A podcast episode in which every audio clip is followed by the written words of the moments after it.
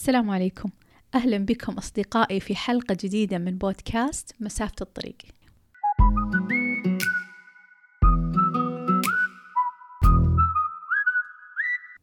أنا تربيت في مدينة الجبال الصناعية وهي كانت وقتها تعتبر مدينة أصغر بكثير من الآن. الناس اللي فيها قليلين اللي أنا اختبرته في الجبال اجتماعيا بسبب هذا العدد المتواضع من الناس. كانوا أغلب الناس متشابهين في الأطباع والتجارب كانوا أغلب البيوت عندهم نفس القوانين. فما أقدر أقول أني أنا خضت تجربة حياتية حقيقية في الجبيل. أحس كنا أشبه لما يكون في فقاعة. كانت الجبيل ماشية على system تقريبا أغلب البيوت ماشية عليه فما في فعلا اختلافات حقيقية بين البيوت. لكن الصدمة جت فعلا متأخر لما نقلت الخبر عشان أشتغل بعد التخرج في وقت اللي أنا نقلت فيه ما كان في option وظائف نسائية غير مدرسات مدارس خاصة. لما نقلت فعلا احتكيت في بنات الدوام وأنا صادف أني أنا لقيت وظيفة في شركة كان فيها قسم نسائي كبير إلى عشرين بنت تقريبا في القسم. فكان معطيني فرصة فعلا كتجربة مع عدد مرة كبير من البنات باختلاف عاداتهم وطباعهم والهج... حتى لهجتهم. لدرجة تخيلوا حتى اللهجة ما كنت أفهم بعض البنات كانوا يقولون. يعني الجبال حتى لو كانوا الأشخاص من مناطق آه، مختلفة كانوا في الغالب يتكلمون لهجة بيضة. فالدوام أنا أعتقد أنه له دور مهم جدا في صقل شخصيتي في ذاك الوقت وأعتقد كل الناس يعني نقطة تحول جدا يكون الدوام من ال mood البسيط حق المدرسة التعامل المتوقع مساحة الاختلاط بالناس تكون still محدودة. دوام هو اللي فعلا تحتكين في العالم الحقيقي وبناس مختلفة فهذا الوقت فعلا تشوفين فيه اختلاف الناس وأطباعهم. فطبيعي جدا تجيكم صدمات في الدوام وفي المقابل أنكم ممكن كمان تصير لكم فرصة أنكم تقابلون أو تكونون صداقات تعتبر صداقات العمر. فبناء على تجربتي المتواضعة أحب ألخص لكم أهم المهارات الاجتماعية اللي بتخليكي أحسن وحدة في الدوام. أول نقطة أنا أشوفها أنها من النقاط اللي مرة مهمة الدبلوماسية لحياة صحية. من أهم الصفات أعتقد اللي ساعدتني أن أتكيف في دوامي خاصة كوني أنا مثلا ناقل من مدينة ثانية ما أعرف أحد مجتمع مختلف لأنه أنا تقريبا هذا كان لفترة من الزمن كانت كل حياتي إني أنا بروح الدوام بس. من الأشياء اللي ساعدتني مرة أمشي في الدوام بسرعة وأتكيف وتضبط أموري زي ما يقولون إني كنت أحاول أكون لطيفة مع كل أحد. الناس آه، تقبلوني بشكل أسرع صار عندي دائرة اجتماعية لو بسيطة في الدوام. يعني أنا أشوف إنها ساندتني جدا في شغلي وإنك تكون لطيف مش معناته إنه الناس لازم تحبهم يحبونك لا ما له علاقة. أنت بتصير لطيف وكل الناس مستوعبين إنه أنت لطيف لأن أنت في الدوام ما حد متوقع أن أنت بتضحك عليه يعني. كل الناس تسعى لعلاقة سطحية جيدة في الدوام. عشان تكون بينكم علاقة رسمية صحية تكون دوام مريح تكون واضحين. ترى في فرق بين إنك تكونين دبلوماسية أو لطيفة وبين إنك تكونين منافقة. تكونين دبلوماسية أو لطيفة في النهاية انت تسعين لعلاقة سطحية. يعني بس عشان تمشي أمورك وتسلك يومك ووضعك تمام. بس النفاق توهمين الناس اللي قدامك إنه انت مرة حريصة إنك تكونين صديقتهم وتبغين تطورين العلاقة تصيرون أصحاب تطلعون مع بعض. لكن انت في المقابل من وراها ممكن تضرينها وما تفرق معاكي بالضرورة كشخص. النقطة الثانية لا تعطين ردات فعل سريعة. حاولي دائما تكونين منتبهة لردات فعلك. ردات فعلك سواء يعني كلام ولا صوت ولا ولا ردة حتى تعابير وجه. مرة مش حلو شكلك. خاصة في ناس ما تنتبه صدق للموضوع. يعني في ناس تحس ما تحس بنفسها.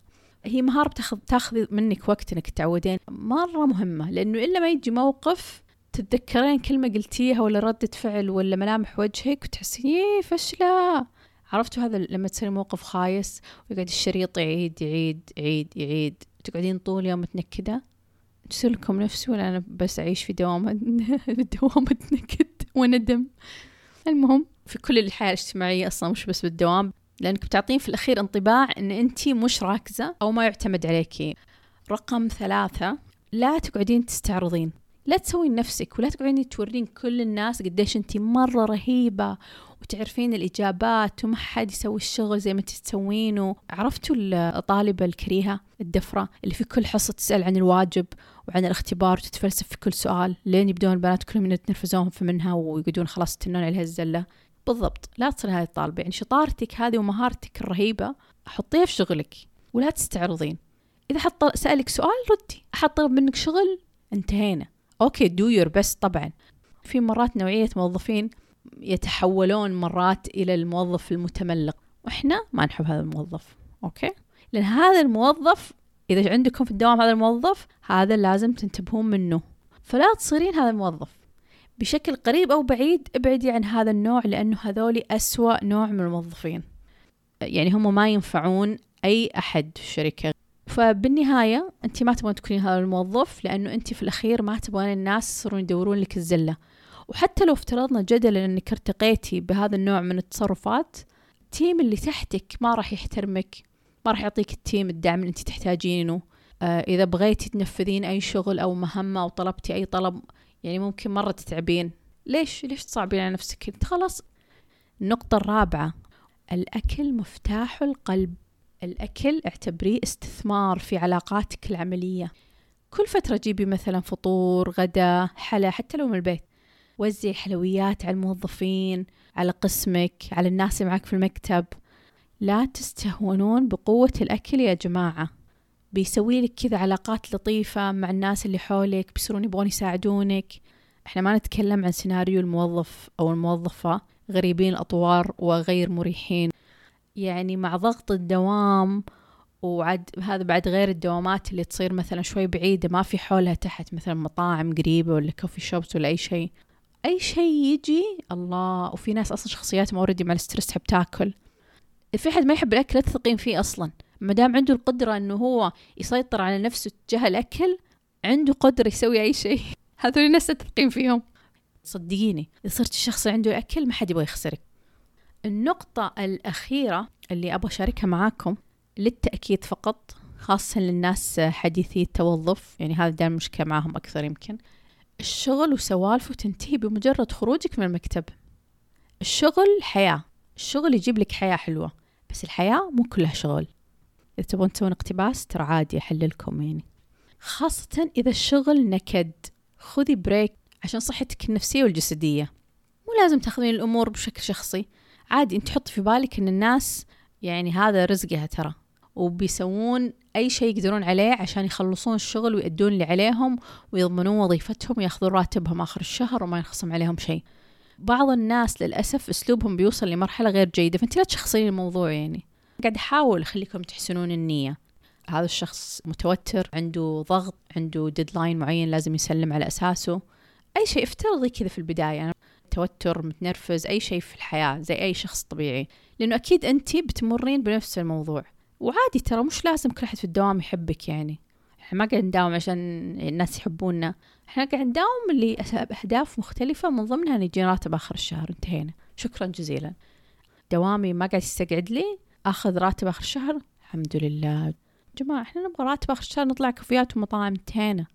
خاصة خاصة آه، أول وظيفة. دائما الناس اللي تكون هذه أول وظيفة وأنا ما ألومهم يعني. أنا كنت في هذا البوزيشن فأتفهم جدا أنه دائما الناس اللي في أول وظيفة يبغون يعطون إكسترا ويثبتون أنهم رهيبين وأنهم ناس يعني يعتمد عليهم وأنهم لهم مستقبل وهالكلام.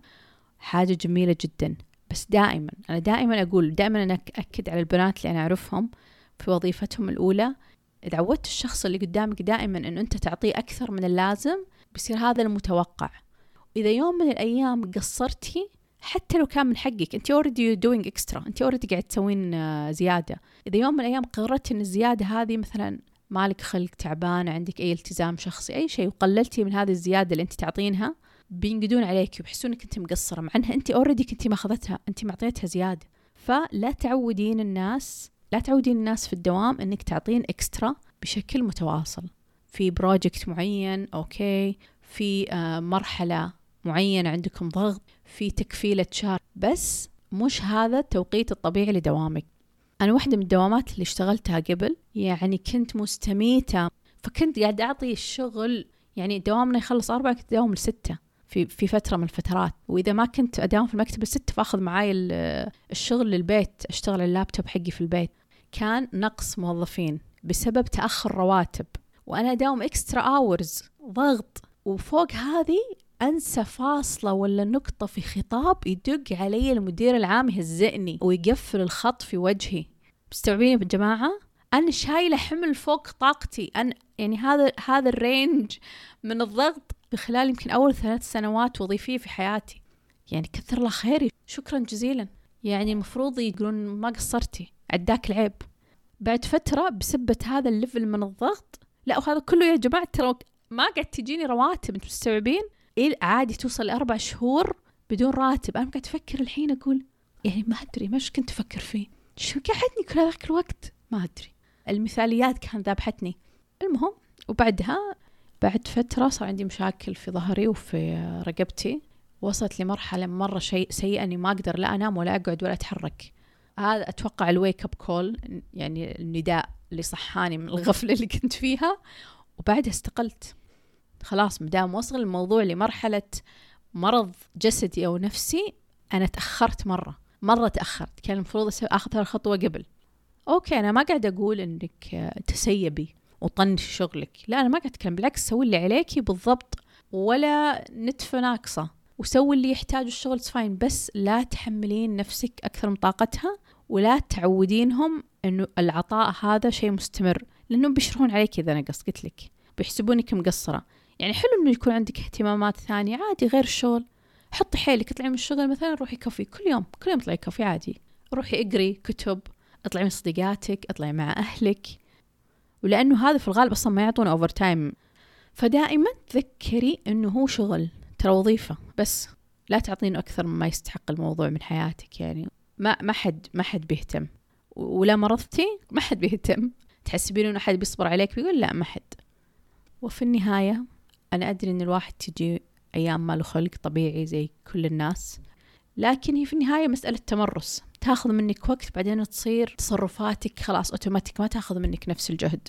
لكن لصالح حياتك العملية والنفسية عشان تكونين في أكثر قدر ممكن من الأمان الوظيفي والنفسي وفي نفس الوقت الموظفين هذول إذا عززتي علاقاتك فيهم في النهاية بيجي يوم تحتاجينهم. تكونين متوهقة يساعدونك في شغلة معينة أذكر واحدة من الموظفات اللي اشتغلت معاها. كنت توي في البدايات فرفعت طلب. كان المفروض الطلب المشتريات يكون بعد أسبوعين. أنا اللي خبطت وحطيته بعد شهرين.